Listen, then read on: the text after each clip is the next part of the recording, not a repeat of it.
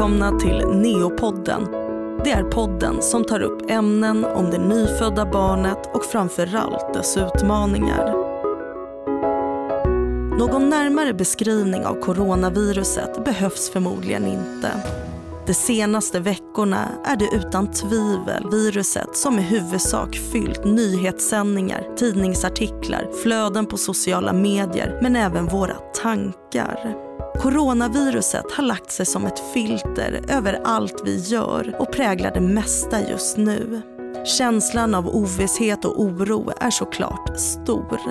I dagens avsnitt av Neopodden kommer verksamhetschef Lars Naver svara på frågor om hur vi inom neonatalverksamheten i nuläget bör tänka och förhålla oss till den rådande coronakrisen. Jag vill betona att datum för inspelning av just det här poddavsnittet är 1 april 2020 och de riktlinjer och rekommendationer som tas upp kan komma att ändras och omfattar framförallt Karolinska Universitetssjukhusets neonatalverksamhet som finns på Danderyd sjukhus, Huddinge sjukhus och på Karolinska i Solna. Jag som programleder heter Milla. Hej Lars Naver och välkommen till Neopodden. Tack. Tänkte att du kort kunde få berätta vad du jobbar med. Jag är ju neonatolog, alltså läkare som jobbar med sjuka nyfödda barn. Men sedan ett antal år tillbaka är jag, eh, arbetar jag mest som chef och sedan två år tillbaka är jag verksamhetschef. Alltså jag är ytterst ansvarig för hela neonatalvården på Karolinska och eh, det innefattar ju avdelningarna på Huddinge, Solna och Danderyd. Eh, så att jag, ja, jag, jag är ansvarig för planering av verksamheten tillsammans med medarbetare och chefer och eh, jag har yttersta ansvaret för patienter och för arbetsmiljö kan man säga. Innan vi går in på de frågor jag tänkt ställa kring coronaviruset och neonatalverksamheten så vill jag bara höra med dig. I tider som dessa, är du oroad och i sådana fall över vad? Ja, det är svårt att inte vara oroad över den här situationen i samhället med eh, jättemånga sjuka och framförallt gamla då som blir svårt sjuka och dör, påverkan på ekonomin och så. Och sen är jag såklart specifikt orolig för vår verksamhet. Eh, framför allt eh, hittills är det ju så att eh, det är många som är sjuka i personalen och sjuk, hemma med, med, med, sjuka barn eller att deras skolor in, inte låter dem vara där och så. Så att mm, ja, jag, jag är lite orolig för verksamheten men hittills har vi kunnat upprätthålla den på ett helt eh, adekvat sätt. Så det märks av i personalstyrkan som du säger. Hur har det annars märkts av på neonatalavdelningarna? Har vi några sjuka barn och i coronaviruset då? Eh, ja, precis. Nej, men det, har, det har ju varit lite ökad sjukfrånvaro i personalen. Faktiskt inte jättemycket, men, men, men, men vi ser en, en, ökning. Och vi har haft ett ganska eh, ansträngt läge även tidigare, så, att, så det märks. När det gäller sjuka barn, alltså patienter, så har vi egentligen inte märkt någonting. Och vi vi räknar inte heller med att nyfödda barn ska bli särskilt sjuka. Vad vet man om coronaviruset idag? Huruvida det påverkar det nyfödda barnet och då framförallt barn som vårdas på neo? Det, vi, vi vet inte jättemycket, även om vi lär oss mer för varje dag som går. De flesta rapporter som är publicerade i vetenskapliga tidskrifter de kommer från Kina och där, där finns det ett antal. Jag tror man är uppe i nu 137 barn ungefär till mammor med coronavirus som har fötts. Och eh, de allra flesta av dem har varit helt friska och inte haft några symptom alls. Eh, utan eh, sen finns det beskrivet några barn i nyföddhetsperioden som har varit positiva för, för coronavirus, alltså haft sjukdomen covid-19. Och de har haft milda symptom. Det finns, vad jag känner till, inget eh, fall med något nyfött barn som har avlidit på grund av eh, coronavirus. Okej. Okay. Du säger milda symptom. Vad är milda symptom? Och vilka är symptomen? De, de symptom man har beskrivit då hos ett väldigt fåtal barn det är feber, hosta och kräkning. Det kommer ju vara så att det är en del barn som föds och vars mamma eller pappa då bär på viruset. När anses, om barnet anses vara smittat? Ja, det där... Det pågår ju intensiva diskussioner omkring det här. Det, det finns hittills inga säkra tecken på att barn smittas under graviditeten i livmodern. Eh, det finns ju andra coronavirus som har funnits tidigare, som eh, eh, epidemier med, med, sars och mers som de har hetat. Där har man inte sett överföring under graviditeten och det finns ingen säker överföring av, av covid-19 heller under graviditeten. Utan de barn som smittas då, de smittas väl antagligen efter graviditeten av en sjuk mamma, pappa eller annan vårdnadshavare. Mm. Kan du inte förklara lite närmare varför man inte anser barnet vara smittat? Du säger, eller du, alltså kan, kan inte viruset passera moderkakan och vidare till barnet? Eh, vi kan inte säga helt säkert att det är så, men, men hittills finns det inga säkra belägg för att det gör det. Utan eh, det är ju så, olika virusinfektioner har ju olika Eh, sett hur de, om de kan passera moderkakan eller inte. Och, eh, det, det, är klart att det finns en oro för att eh, även, även covid-19 ska kunna smitta foster och, och, och därigenom kanske orsaka eh, för tidig födsel eller missbildningar eller annat. Men, men det, det, hittills har vi inte kunnat eh, säkerställa att det, att det finns, att den mekanismen gäller för covid-19. Utan tvärtom, det, vi har in, det, det, det förefaller som att det inte smittar på det sättet. Så Helt kan... säkert kan vi, kan vi inte säga det, för att det är fortfarande för få barn som är undersökta. Mm. Men man har inte sett något i mer drabbade länder såsom Kina där det nu finns lite statistik och sådär. Eh, nej, det, det, har man inte gjort. Nej. Så då bara för att förtydliga det då, kan man tänka sig att covid-19, det här viruset, då stannar i lungorna hos mamma och inte tar sig ut i blodsystemet och vidare liksom, eh, genom moderkakan till barnet? Eh, ja, precis. Man har, man har ju undersökt olika kroppsvätskor som man säger och man, man har man har ju framförallt sett det i, i luftvägar, precis som du säger, men det finns även i avföring.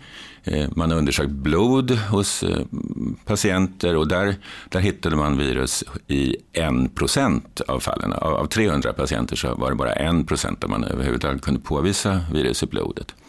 Man har också tittat på den här, det som heter amnionvätskan, eller den vätska som ligger runt fostret i livmodern. Och där har man inte kunnat hitta virus. Man har inte kunnat hitta virus i bröstmjölk. Så, så att, men det är fortfarande det är små, eller ett lågt antal prover. Så att vi måste även där fortsätta och, och studera det här för att se hur, hur mer säkerställa hur vanligt är det. Mm. Eller hur ovanligt. Mm. Och amniovätska är detsamma som fostervatten? Det är det. Om det nu är så att eh, mamma har testats positiv för eh, coronaviruset, mm. kommer barnet att testas och när? Hittills har vi, vi sagt att vi testar barn till alla mammor som är positiva. Och eh, då har vi sagt att det ska vara tidigast vid fyra timmar och, och den tidpunkten har vi valt bara för att det inte ska vara alltså förorening, alltså att det ska komma no, någon, något virus på utsidan av barnet som testet reagerar på, utan att det verkligen i så fall ska vara egen produktion av virus från barnet. Jag tror faktiskt att den, den tidpunkten är för tidig. Eh, vi kommer ju eh, vi, skrev eh, nationella riktlinjer för två veckor sedan och de känns redan lite gamla. Utan, så, så de kommer vi behöva uppdatera eh, ganska snart och sen säkert igen och, och flera gånger därefter. Mm. Och är det så att det uppdagas att någon av föräldrarna har viruset, hur hanteras barnet? Jag tänker om barnet har legat inne en, två dagar eller längre än så. Ja, det där är ju en jättesvår fråga, men om någon, då tänker du ett barn som vårdas på neonatalavdelningen. neonatalen, mm. ja. Mm. Och, om då en, en förälder som, som, då har varit på neonatalavdelningen eller är där upp, får symptom, då eh, testar vi den föräldern och, och därefter får de gå hem i väntan på svar. Eh, om, om, svaret då är positivt, då kommer vi också testa barnet och eh, den förälderns partner om den också har varit mm. och är på avdelning. Mm. Som du tidigare nämnt så finns det ju inte speciellt mycket statistik från Sverige när det kommer till förlossningssätt. Men har man i andra länder som varit mer drabbade sett någon skillnad på om barnet föds vaginalt eller med hjälp av kejsarsnitt i frekvensen smittade nyfödda? Eh, nej, det har man inte gjort. Man har inte kunnat säga att det ena förlossningssättet är bättre än det andra. Däremot så är det så att i Kina, som ju var först drabbad av epidemin, där har man snitt eller kejsarsnittsförlöst de allra flesta barnen till positiva mammor. Och det har man gjort utifrån någon slags tanke att det skulle vara mindre risk att barnet blir smittsamt. Sen har man därefter eh, skilt på mamma och barn i upp till 14 dagar för att då undvika att barnet blir smittat av sin mamma. Det är ett ganska extremt sätt att hantera ny, nyfödda barn. Men, men, så har de valt att göra där. I, i, den allra, I de allra flesta länder eh, numera så, eh, så har man inte en rekommendation att förlösa med kejsarsnitt eller vaginalt, utan man, man, man använder det förlossningssätt som är lämpligt för just den, den kvinnan. Eh, du nämnde att det inte inte tar sig över till bröstmjölken, alltså viruset covid-19. Och det man har... I några väldigt få fall som man har testat det så. Ja. Mm. Och man har ju förstått att... Får jag bara säga en sak? Ja, absolut. Ehm, egentligen är det ju själva sjukdomen som heter covid-19 och det virus som orsakar sjukdomen det kallas för sars-cov-2. Och sars-cov-2 heter det för att det fanns ett tidigare virus som heter, heter, eller heter sars-cov-1 och det var det som orsakade en sjukdom som vi nu kallar bara för sars. Det är lite krångligt, men, men jag ville bara försöka reda ut det här. Eh, när, när, när man pratar om det här då, då bland, brukar man blanda helt friskt, men, men, för lyssnarna kan det vara intressant och för mig som läkare är det, vill jag bara att det, att det ska vara korrekt. Eh, så. Mm. Ja men absolut, så att man bör ändå skilja på. Ja, man, eh, precis. Man, man bör kalla om man ska vara korrekt ska man kalla viruset för sars-cov-2 och sjukdomen för covid-19. Okej, men om man då inte insjuknar, men man bär på viruset. Precis, då är man covid-19 positiv i alla fall. Okej, eh, vi får väl se. Jag kommer blanda du, ordet coronavirus du, du, du, och covid-19 får absolut säga covid-19. De flesta säger så. Och, och eh, det är bara för mig som läkare så vill jag bara förtydliga det mm. för, för de som lyssnar. Eh, men då fortsätter jag med att säga coronavirus. Ja, och så det, säg vad du tänk, vill. tänker vi alla på samma då. Och just det här coronaviruset. Eh, men det man har förstått nu då, det är ju att eh, bröstmjölken det överförs inte speciellt mycket virus dit eller förmodligen inga alls. Och det man har förstått är att avståndet spelar en ganska stor roll. Men hur funkar det då med att amma exempelvis? Ja, det, det, där är en, det, det, är en avvägning som man måste göra. Närhet är ju en risk och, och, och det är väldigt svårt såklart som, som eh, mamma med covid-19 att undvika att smitta sitt barn om, om man ammar och, och, och har barnet nära.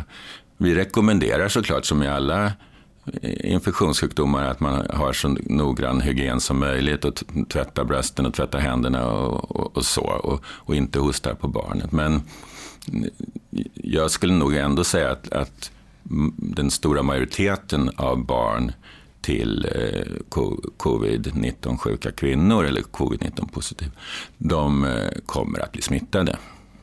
Okay. Så att man tänker sig inte att de behöver eh, använda munskydd exempelvis? Eller...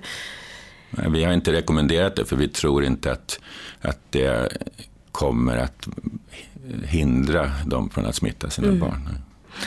Ja, och det här med munskydd är väl också ganska kontroversiellt Hurvida, hur pass bra det funkar och hur man använder det och de måste väl också bytas ut med jämna mellanrum för att viruset inte ska fastna i dem tänker jag. Ja, så är det. De, de, det, det är finns ju väldigt mycket tradition också där man i vissa länder alltid bär munskydd när man är förkyld.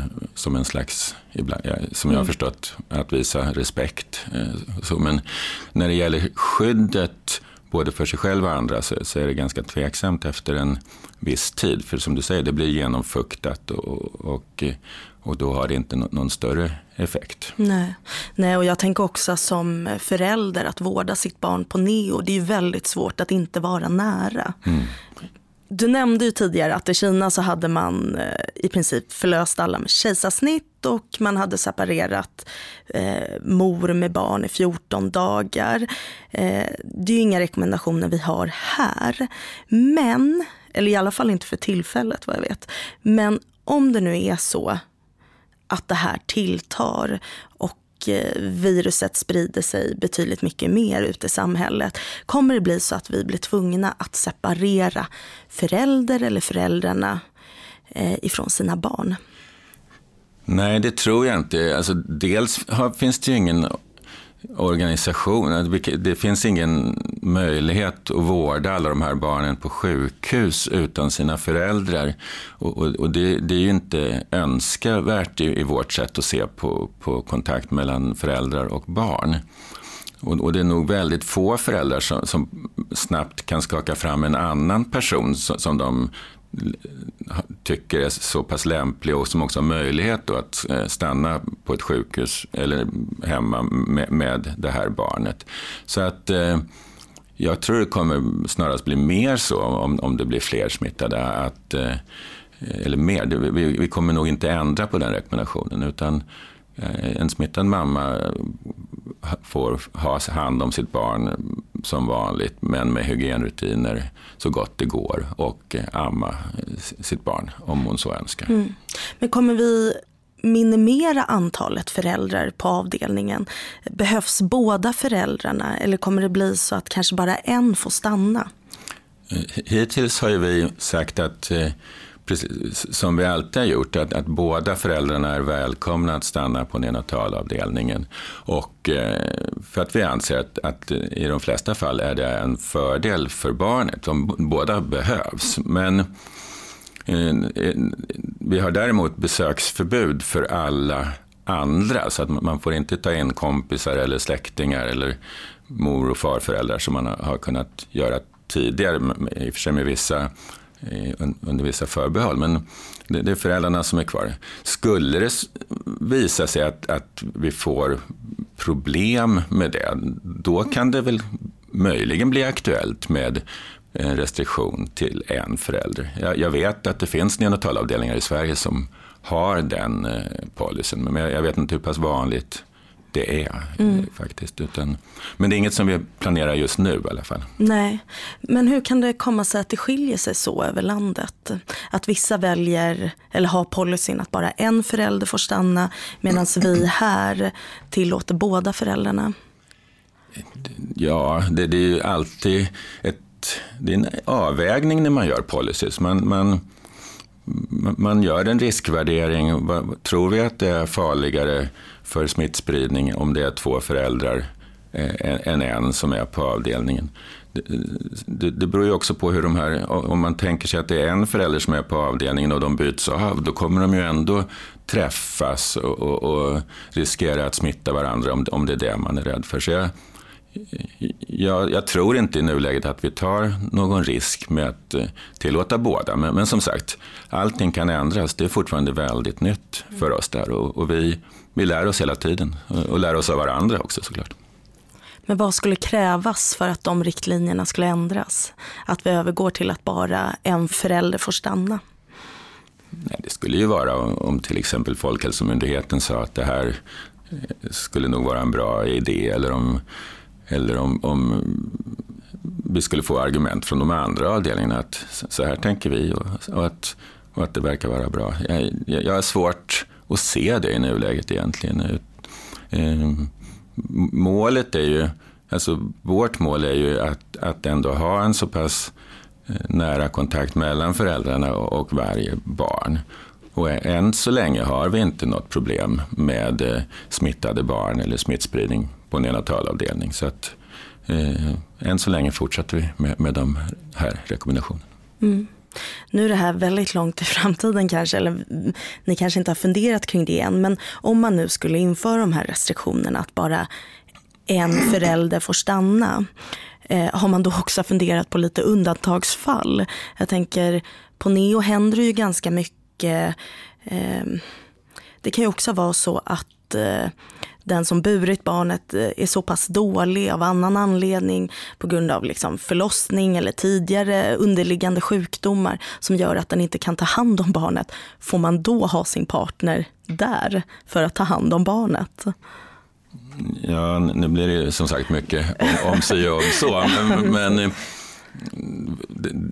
Alltså vår målsättning är ju alltid att det ska vara så bra som möjligt för våra föräldrar. Och, och är det så att det finns särskilda skäl, särskilda behjärtansvärda skäl, så då kommer vi i allra största mån eh, tillgodose det såklart. Det är ju, en regel är ju, alltså det finns ju egentligen inga regler som är helt rigida, utan det finns alltid anledningar då, då, man kan av humanitära skäl eller andra skäl säga att nej, men i det här fallet så, så gör vi ett undantag. Då är det bara viktigt att man kommunicerar det så att personalgruppen förstår varför vi gör så just här. Mm. Vi kan ju inte prata med de andra föräldrarna såklart, för, för det, det, kan ju vara privata orsaker. Så att, eh, mm. Men, men, men, där, är, där har, ju, har ju personalen sin professionalitet att ändå kunna stå för att oh, men det, så här är det. det. Men det gäller inte för alla, utan mm. det, det finns skäl som vi inte kan gå in på. Skulle man kunna tänka sig att särskilda skäl kan vara fler än ett barn? Eller eh, vård av barn i livets slutskede? Ja, alltså fler än ett barn, det, det vet jag inte. Det, alltså, tänker tvillingar. Ja. Alltså. Jo, men det är klart. Alltså, mm. Tvillingar är ju mer vård, eller omvårdnadskrävande än, mm. än andra. Och, och vård i livets slutskede är självklart en väldigt speciell situation då jag kan tänka mig att gå ganska långt eh, för att eh, göra specialanpassningar av ett regelverk. Så, så att, mm. Eh, men, men, men eh, jag kommer inte säga att om det blir si så gör vi så, utan vi kommer att bedöma i så fall varje situation eh, utifrån de förutsättningar som finns då i det fallet. Mm. Eh, nu får ju båda föräldrarna finnas här på våra neonatalavdelningar så att säga. Eh, finns det några restriktioner för hur de får röra sig på avdelningen? Eller in och ut på sjukhus och så vidare. Nej, det, det, har vi inte. Eh, men, men, det är inte en så dum idé att, att man faktiskt eh, börjar prata om ett sånt tänk, att man kanske inte går fram och tillbaka allt för mycket, utan att man håller sig så still man kan på sjukhuset. Det, det är något vi får diskutera med, med, med, de, med våra medarbetare och, och eh, våra chefer i verksamheten, om, om det är något vi ska börja diskutera även med föräldrarna. Mm. För jag tänker många av våra föräldrar, där kan det vara så att eh, eller framförallt de familjer som stannar länge på neo. Eh, efter någon vecka kan ju en av föräldrarna behöva jobba igen. Eh, att man kliver upp tidigt på morgonen, sticker till jobbet för att sedan komma tillbaka till neo, umgås med sitt barn och kanske sova där. Ehm, hur skulle det funka då? Eller om man har barn hemma så att man behöver liksom gå mellan sjukhus och hemmet. Mm. Ja, det, båda de här situationerna är ganska vanliga som du beskriver. Och, eh, eh i nuläget, det vi kan göra, det, det är ju verkligen att, att, vara tydliga med vår information om att är de bara, känner de det minsta sjukdomssymptom så ska de inte komma till sjukhuset. Eh, och är de på sjukhuset så ska de i så fall säga till personalen så att vi kan ta ett prov och sen gå, gå hem och stanna hemma tills vi vet svar. Kan man tänka sig att barn som eh, vårdas på neonatalen är en riskgrupp i sig? Eh, så att säga att är man känslig för infektioner rent allmänt som nyfödd så är man ännu lite känsligare om man dessutom är född och, eh, nyfödd och sjuk eller prematurfödd. Ja, teoretiskt är, det ju så att eh, man kan vara de är ju känsliga för, för, för många infektioner och, och, andra virusinfektioner kan ju göra att de försämras och, och kan behöva mer andningsstöd till exempel. Eh, och det är väl inte omöjligt att även eh, coronaviruset kan ha en sån effekt. Eh, jag tror däremot inte att det är lika allvarligt som, som det värsta viruset, egentligen RS-viruset, som är det som vi traditionellt har varit mest rädda för. Där vi vet att små barn verkligen blir mer sjuka än andra. Mm. Bland vuxna så ökar ju risken för att drabbas hårt av viruset med stigande ålder och underliggande sjukdom. Kan man tänka sig att risken att drabbas hårt stiger med liksom låg ålder? Alltså ju tidigare man är född desto större är risken. Ja, nej, det, det, det finns ju absolut ingen Eh, information om det. Men, men eh, utifrån min kunskap om, om, olika virussjukdomar så skulle jag faktiskt inte tro att, att det finns en sån ökning, att, att risken ökar med, med minskande ålder eller med, med mindre prematurer om man säger så. Mm. Du nämnde att de symptom som man sett hos eh, barn som smittats var feber, Ja, det här var ju nyfödda barn, ja. alltså, alltså neonatalbarn. Och då räknar vi från de första fyra veckorna i livet. Mm. Ett mycket fåtal barn, men, men de hade feber, eh, hosta och kräkningar. Det var de symptom som beskrevs. Mm. Tror man att många barn är asymptomatiska. Alltså att de sällan får några symptom utan mer bara är bärare av viruset. Det, det, tror jag absolut att det är så. Det borde vara, eller jag vet ju att det är jättemånga kvinnor i, i Kina och, och Italien, Spanien, USA som har fött barn och som vistas tillsammans med sitt nyfödda barn. Men det, det finns ändå väldigt lite information om att de barnen skulle ha blivit sjuka eller behövt läggas in på sjukhus eller sådana saker. Så att sannolikt så går det spårlöst förbi hos de flesta nyfödda. Mm. Hur tror man att coronaviruset kan påverka redan lungsvaga barn om de blir smittade? Ja, du tänker barn med, med BPD till exempel, ja. då, som, som är lite äldre och har varit utskrivna från NEOS. Så så det är klart att de, de är en riskgrupp för infektioner överhuvudtaget och framförallt infektioner som, som kan påverka luftvägarna. Så att eh, där gäller det ju så, som vanligt att eh, skydda dem från att utsättas för smitta med, med luftvägsinfektioner. Och det tror jag, eftersom vi har haft RS-virus och vi har influensa sedan tidigare så, så vet jag att nästan, eller de, de föräldrar som har barn i den gruppen, de är väldigt kunniga om, om det här och, och väldigt måna om att skydda sitt barn från, från personer som är sjuka. Eller ja, även från att utsätta barnen för att träffa många människor överhuvudtaget. Mm. Hur är det med andra underliggande sjukdomar som exempelvis medfött hjärtfel? Många av våra barn har till exempel en öppen duktus. Mm, öppen duktus här kan jag nog tänker mig att det inte har så stor påverkan. Men, men, men som sagt, det, det, vi vet egentligen ingenting där. Eh, men eh, san, eller, troligen har det inte, är det inte någon jättestor riskökning för den gruppen. Mm. Om det nu visar sig att ett barn som vårdas på NEO är smittad och bär på viruset, eh, kommer det barnet att vårdas på samma vårdsal som andra barn? Eh, målet är att, att eh, ett smittat barn ska vårdas på enkelrum eller ännu hellre på det vi kallar isoleringsrum, alltså ett rum med, med två dörrar, en så kallad sluss. Eh, flera avdelningar, två av Karolinskas avdelningar har den typen av isoleringsrum. men har man inte ett, ett, ett fullvärdigt isoleringsrum så, så anser vi att ett enkelrum med stängd dörr är, är gott nog. Men, men, men vi vill inte vårda det på en öppen sal med andra barn. Mm. Hur är det med personalen då? Kan personalen gå emellan? Alltså ha hand om flera barn? I, I idealläget så har man ju då bara hand om, om det barnet. Så har vi hanterat andra luftvägsinfektioner. Sen eh, så ska det egentligen räcka.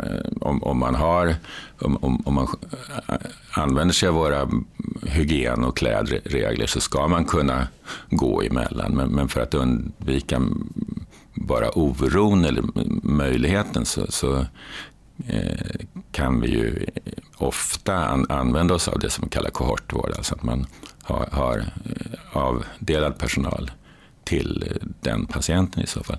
Men, men som sagt, vi vet ju ännu inte hur det här kommer att påverka Neo. Och skulle det bli väldigt många barn så kan, kanske vi får tänka annorlunda. Men så tänker jag i nuläget i alla fall. Mm. Men eh, jag, tänk, jag, tycker att det är otroligt viktigt att man inte hakar upp sig allt för mycket på, med, på testning i det här läget. För de tester som finns, de är egentligen ögonblicksbilder. De, de, om vi skulle testa oss nu, då, då skulle vi kunna säga att vi ändra är vi positiva att vi har sjukdomen eller också är vi negativa. Men om vi är negativa, då kan det ändå vara så att om 12 timmar eller 24 timmar, då, då kan vi vara positiva. Så att man kan inte testa varken föräldrar eller personal så liksom regelbundet. För, för det, det, det, finns inte någon möjlighet. Dessutom tar det också lång tid att få svaret. Så att mm. det, det, går inte. Utan vi måste när vi jobbar verkligen ha ett hygientänk. Att vi, vi ska följa våra basala hygienrutiner. För att vi måste, måste arbeta som om varje patient, varje anhörig eller varje medarbetare som jobbar med kan vara positiv och, och verkligen ha, ha det i tanken så att vi inte för smitta mellan våra patienter då i första hand. Kan det vara en fördel för oss på Neo som är så vana vid det här? Vi är ju vana vid att alltid sprita. Vi jobbar med infektionskänsliga barn. Mm, det tror jag. Vi är, är faktiskt jätteduktiga på det om man jämför oss med övriga sjukhuset. Det ser vi. Vi har ju såna återkommande mätningar av hur följsamhet till hygienrutiner och där ligger vi i topp, både inom Astrid Lindgrens barnsjukhus och inom Karolinska. Så att, det tror jag. Men det gäller att, att, att skärpa upp sig ytterligare, för vi har, vi, vi har inte hundraprocentig följsamhet. Men det, det tycker jag, det ska vi ha, och särskilt nu i dessa tider. Kan man tänka sig att eh, kuvösen är som ett skydd i sig, en barriär för smittspridning till barnet. Vi vet ju att avståndet spelar roll och här finns det ju också liksom som en glas eller en, en vägg emellan. Ja, det, kan man, det tycker jag. Det, det, och det kan också vara en, ett visst skydd om barnet skulle vara smittat eh, så, för, mm. för, för, omgivningen. Så det går åt båda hållen helt ja. enkelt. Ja. Eh, kan man tänka sig att andningsunderstöd såsom CPAP och respirator är ett skydd? Eh, en extra barriär även där mot viruset eftersom luften och syrgasen kommer från slutna system till barnet. Nej, det där är lite svårt för att Normalt anser man ju att det här virus smittar via dropp och kontaktsmitta. Eh, och, alltså om man tar i, i, i en, en, smittad person eller om, om man tar i, i, en yta där det har kommit sekret från en smittad person och sen får den, den eh, på något sätt får det här i, i sin mun eller näsa eller ögon och så där, då, då kan man bli sjuk. Men när det gäller vissa typer av andningsstöd som CPAP, högflödesgrimma, respiratorvård, då kan det bildas något som heter aerosol. Det är som gas och vätskedroppar som då kan innehålla virus. Och de kan sprida sig en längre sträcka runt eh, en, en sjuk patient än, än det annars gör. Så där behöver vi då ha särskilda skyddsåtgärder. Vi, vi kanske ska förklara aerosol bara lite kort. Ja, aerosol är ju en, man kan säga att det är gas och vätskebubblor som bildas i andningsvägarna hos en person som, som vårdas i respirator eller, eller CPAP. Och de här, om då personen är virussmittad så kan vissa virus transporteras med hjälp av de här aerosolbubblorna längre avstånd än vad själva viruset kan göras i, i normalfallet. Och därför krävs det särskilda skyddsåtgärder när man har moment då inom vården där man riskerar att få sån här aerosolbildning. Och dit hör CPAP-vård, högflödesgrimma, respiratorvård, intubation och extubation till exempel. Okay. Det och... finns filter som, som på utandningsluft och så, som är ett visst skydd, men, men det är inte hundraprocentigt. Mm. Och den här debatten har väl förts lite när det kommer till lustgas för, eh, alltså under förlossningsförloppet. Ja, precis. I de riktlinjer för Sverige som vi skrev för två veckor sedan, där, där, där stod det då att man inte ska använda lustgas under förlossningen just för, för, på grund av risken för aerosolbildning. Jag tror att man håller på att ändra på det, men, men jag, jag, är lite osäker. Det, det, är inte mitt specialområde Nej. heller, utan det är förlossningsläkarna. Ja. Men, men, men, eh, så var det då ja. i alla fall. Ja. Och jag förstod, precis, och det var just det här kring aerosol. Då. Men är det farligare Inom, om jag förstod det rätt, så för förlossningsvården så var det väl också för att skydda eh, förlossningspersonalen. Men jag tänker här, för barn som ligger då i CPAP och högflödesgrim och respirator, är det en risk för barnen eller är det en större risk även för oss som vårdar barnen just kring det här med aerosol och att det Jo, det är både och. Alltså, risken med aerosol är att den kan transporteras över längre sträckor än, än vad en dropp och kontaktsmitta normalt gör. Det finns ju vissa virusinfektioner som mässling till exempel, som är vattkoppor, som är mm. extremt smittsamma. De det sägs att de har luftburen smitta. De kan ju smitta långa vägar eh, runt en, en sjuk person utan att det behövs sån här aerosolbildning. Men, men, men när det gäller, gäller virus som smittar genom dropp och kontaktsmitta då, då krävs det aerosoler för att det ska bli en, en spridning på, på längre sträck. Mm. Eh, behöv, hur behöver vi tänka kring det då? Nu kommer vi in på väldigt svåra grejer men, men nu när vi ändå har tagit upp det att det finns en ökad risk just för att det blir en aerosolbildning som kan liksom ta sig långa mm. sträckor och därför smitta fler. Skulle vi ha barn som, som eh, vårdas på neo som är covid-positiva och som behöver Eh, något vårdmoment som CPAP eller respirator som, där det finns risk för aerosolbildning, då, då, då ska det barnet vårdas på enkelrum och personalen ska ha en högre grad av skyddsutrustning eh, än annars. Till exempel det vi kallar det, det, det speciella andningsmasker eller andningsskydd som eh, har ett filter då, som, som skyddar mot aerosol. Eh, som är mer, de är mer tätslutande de, de här. Och, eh, så, så att eh, då, då, gäller andra regler omkring hur, hur personalen skyddar sig. Mm. Eh, du nämnde alldeles i början att eh, neonatalverksamheten består av tre sajter. Eh, alltså neonatalavdelningen på Danderyds sjukhus, Huddinge sjukhus och här Karolinska Solna. Vem kommer eh, ta hand om de här barnen? Kommer de kunna tas om hand på alla tre sajter eller kommer de skickas till en avdelning?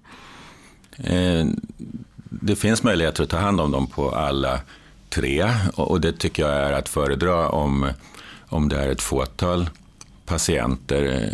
För att eh, det, det är väldigt svårt och, och krångligt eh, att flytta runt patienter då, som har är sjuka i covid-19. Även transporten kräver ju vissa säkerhetsarrangemang runt sig då, med, med hygienrutiner och så. Så så tänker vi nu, men det är samma där, att vi vet ju inte vad som kommer att hända. Skulle det bli ett väldigt stort antal barn, då, då är det såklart en, en möjlighet, jag säger inte att det blir så, men att man koncentrerar dem på en avdelning. Annars kan man ju tänka sig att man samlar ihop flera sjuka barn på en sal till exempel.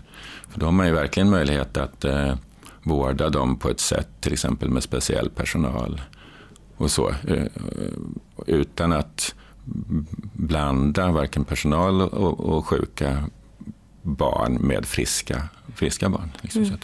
Men, men som sagt, det får vi se. Det, vi är långt ifrån där än. Eh, men det är klart, mm. vi måste tänka på olika, olika utvecklingar och olika alternativ framåt. Sen är det väl så att i Stockholmsregionen så är det bara KS Solna och Huddinge som eh, vårdar barn i respirator. Det stämmer. Men har alla sjukhus möjlighet till att lägga barn i respirator? Vi säger att om de blir så pass dåliga att man direkt behöver intubera. Absolut, Nej, men så är det ju. Det, det är den uppdelning vi har. Att Karolinska har hand om det som kallas den högspecialiserade vården i Stockholm och i den ingår respiratorvård. Men alla, eh, Eh, alla våra tre avdelningar har ju såklart möjlighet att eh, starta upp respiratorvård eh, och sen transportera barnet till Karolinska, Solna eller Huddinge. Och det har ju även Södersjukhuset då, som är den fjärde neonatalavdelningen i Stockholm. Förra veckan så gick ju vissa BB-avdelningar ut med att bara en förälder får stanna eh, kvar då efter förlossningen. Vilket möttes av väldigt blandade reaktioner. Både stor förståelse men även oro och ilska. Vilka reaktioner har Neo än så länge mött? Vad oroas föräldrar som vårdpersonal över just nu? Ja, eh, det som har nått mig är väl att det finns en, en oro i personalgruppen omkring olika ja, användandet av skyddsutrustning och kommer skyddsutrustningen att finnas när det blir aktuellt. Och så, så, att, så, det, så är det i alla fall det jag har uppfattat. Eh, eh, det är möjligt att det finns annat som, som, som inte har nått mig. Eh, och när det gäller föräldrar så vet jag faktiskt inte alls. Det, det, där har det inte kommit något till mig.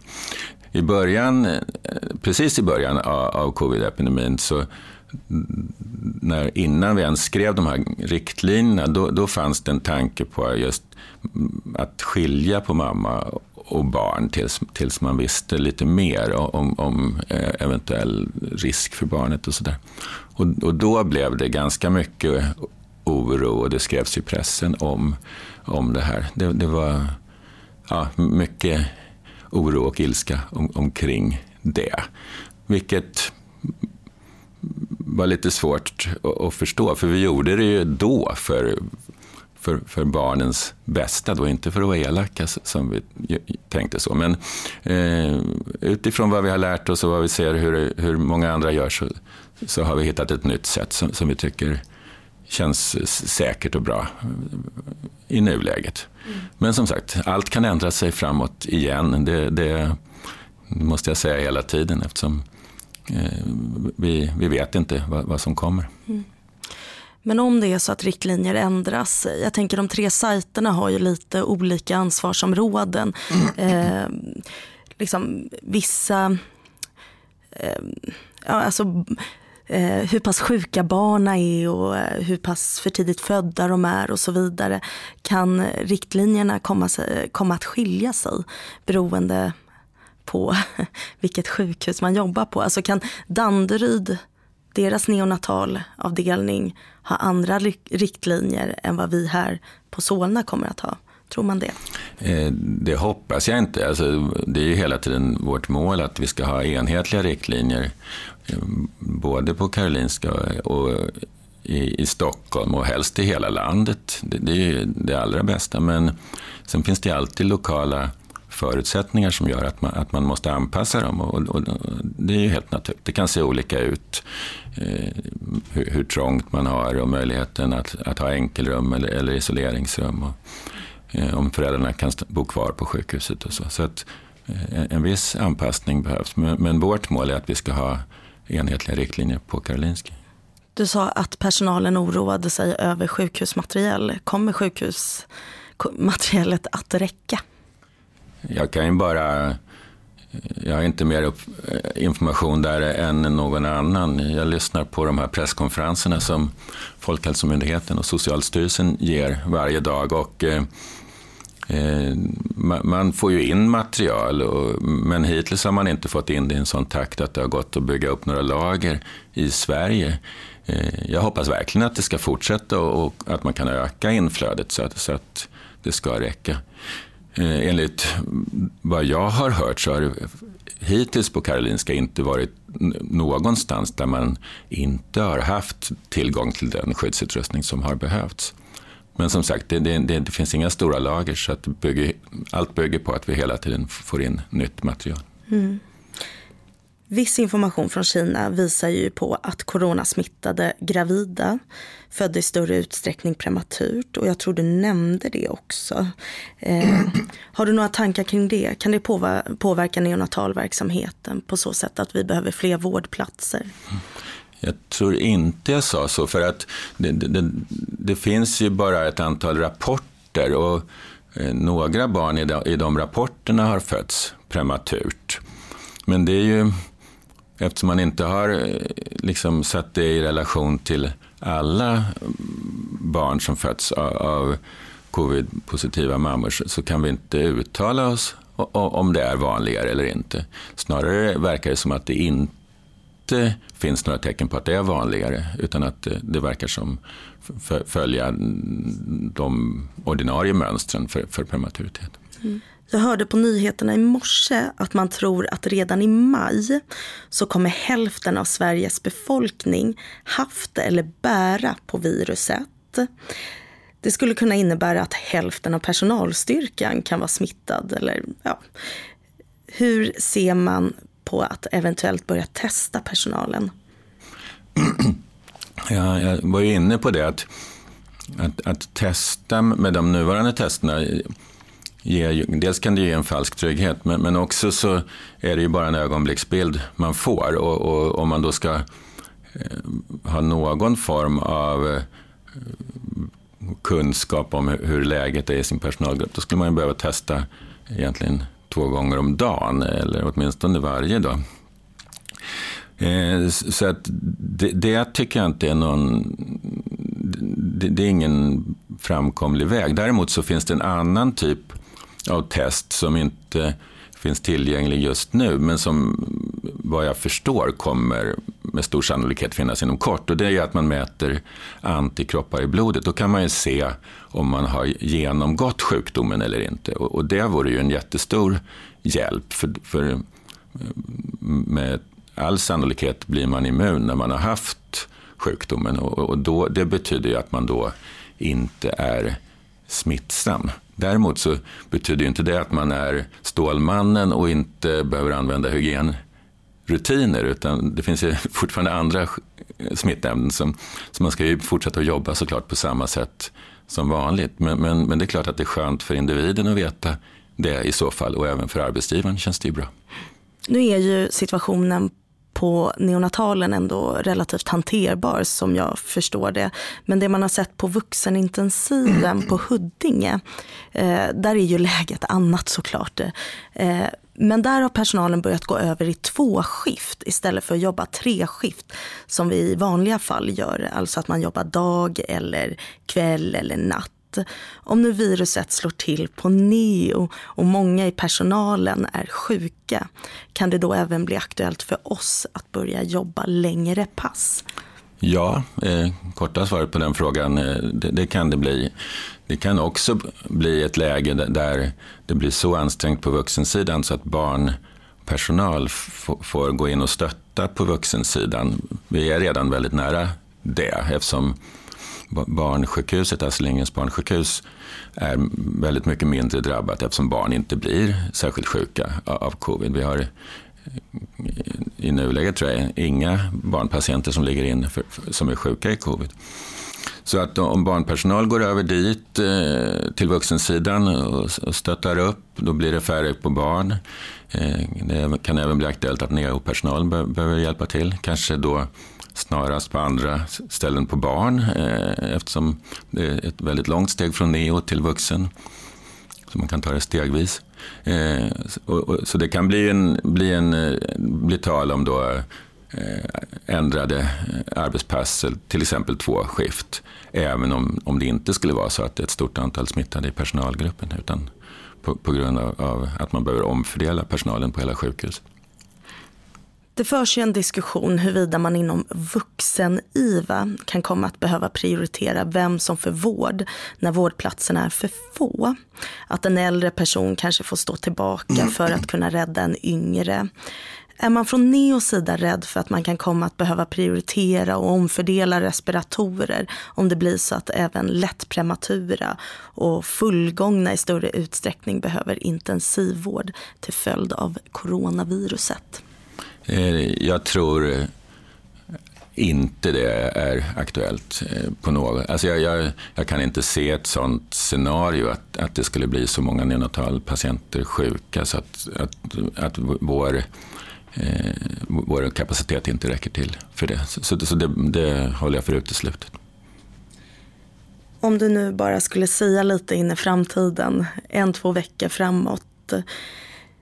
Hur pass mycket och på vilket sätt tror du att neonatalen kommer att påverkas av den rådande coronakrisen? Eh, jag tror att vi kommer att påverkas ganska mycket. Och, och framför allt för att vi förväntar oss att belastningen på vuxenvården kommer att bli än, ännu mycket värre de närmaste två, tre veckorna. Eh, och vi kommer att behöva hjälpa till på något sätt eh, utifrån vår, med, med vår personal. Vi har redan gjort eh, prioriteringar hur, hur vi, vilka funktioner eller vilka personalgrupper eller vilka personer som eventuellt då skulle kunna gå och hjälpa till någon annanstans.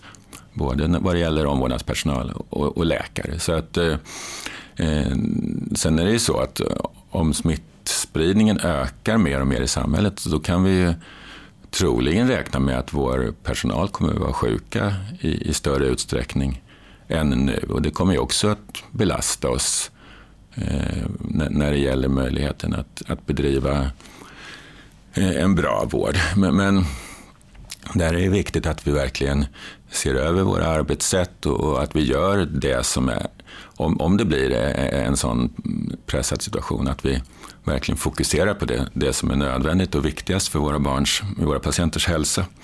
Och kanske skär ner på, på sånt som vi annars ägnar oss åt. Till exempel utbildningar, eh, administration, eh, dokumentation i journaler. Självklart ska vi dokumentera men bara begränsa det till det absolut nödvändigaste.